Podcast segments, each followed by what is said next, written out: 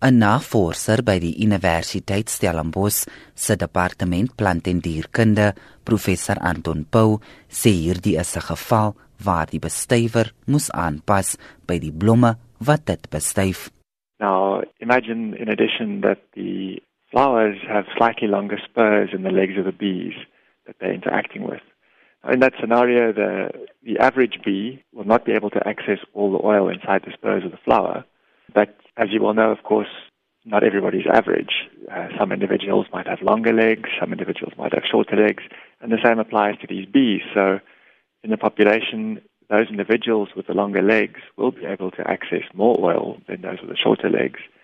And as a result, they will be able to feed more oil to their larvae, produce more offspring in the next generation. And so, simply by that mechanism, the next generation will have longer legs. And so the change will happen. In other words, adaptation would have occurred. I say this a interessante ontdekking. What's unusual about this case is that the bees are not adapting to some static aspect of the environment, such as, for example, the soil type. Instead, they're adapting to another living organism. This opens the possibility that this living organism itself could also be adapting to the bees.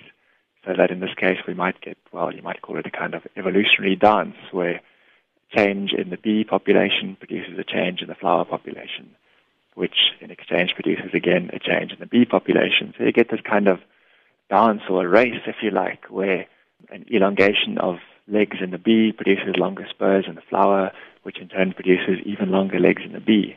Hy sê die olieversamelende bye se voorpote is met 'n digte laag fluweelagtige hare bedek.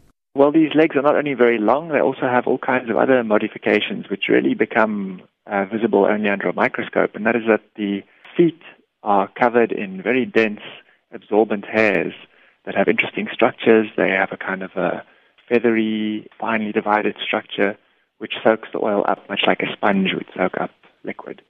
And they then transfer the oil to their back legs, which is where they carry it on the way back to the nest. Paul sê dat ook die by spesies se DNA ontleed om meer inligting oor hulle pootlengte te kry.